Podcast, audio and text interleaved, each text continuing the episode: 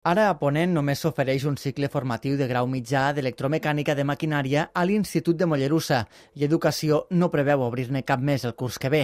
El president de la patronal Aprigma, Eduard Abella, demana apostar per fórmules com l'FP dual. I la maquinària agrícola també és mecànica, això és el que estem fent entendre la gent, que també és bonica, que també és divertida i que també és interessant i que també es poden guanyar la vida i que també es poden fer projectes. Però vull dir, això és el que des de l'administració se ven una formació dual a la qual tenim la regla cotxes i motos. I bueno, aquí a Lleida el que tenim més a mà és fabricar maquinària agrícola.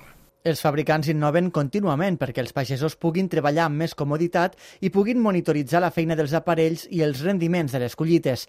Hi ha sensors que analitzen la massa foliar dels arbres per dispensar la quantitat òptima de fitosanitari i ultrasons que permeten guiar les màquines pels bancals.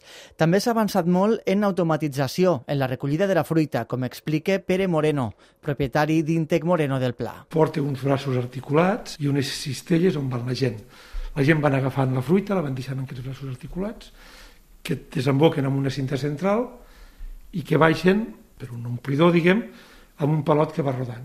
No necessita xòfer perquè porti aquesta classe de direcció que diem. El futur del sector també passa per controlar i gestionar tractors autònoms amb drons.